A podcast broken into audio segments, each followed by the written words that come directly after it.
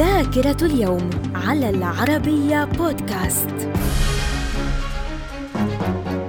أهلا بكم إلى ذاكرة اليوم الحادي عشر من مايو ففي العام 330 افتتاح القسطنطينية كعاصمة الإمبراطورية الرومانية وسميت روما الجديدة. في العام 1949 إسرائيل تنضم للأمم المتحدة وفي العام 1953 رئيس وزراء المملكة المتحدة وينستون تشرشل يوجه انتقادا حادا لنظرية الدومينو التي التي كانت إدارة الرئيس الأمريكي دوايت أيزنهاور تروج لها لتبرير التدخل العسكري الأمريكي في دول العالم. من الذاكرة. ومن ذاكرة اليوم الحادي عشر من مايو في العام 1989 الرئيس الأمريكي جورج بوش يعلن عن اعتزام الولايات المتحدة غزو بنما واعتقال رئيسها الجنرال مانويل نورييجا بتهمة تورطه في عمليات تهريب المخدرات من كولومبيا إلى الأراضي الأمريكية.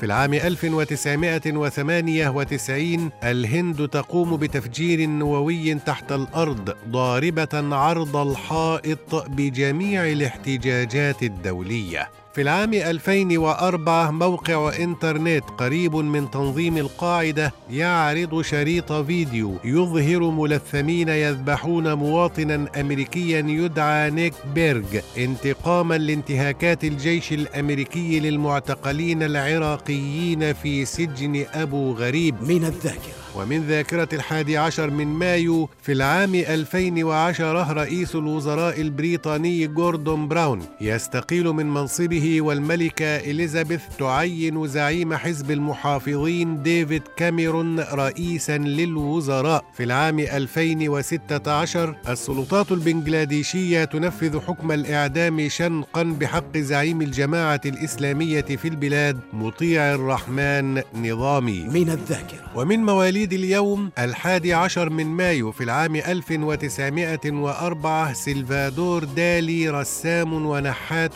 إسباني. في العام 1932 مصطفى طلاس عسكري وسياسي سوري. من الذاكرة. ومن وفيات الحادي عشر من مايو في العام 1981 بوب مارلي مغني وموسيقي جامايكي. من الذاكرة. إلى اللقاء.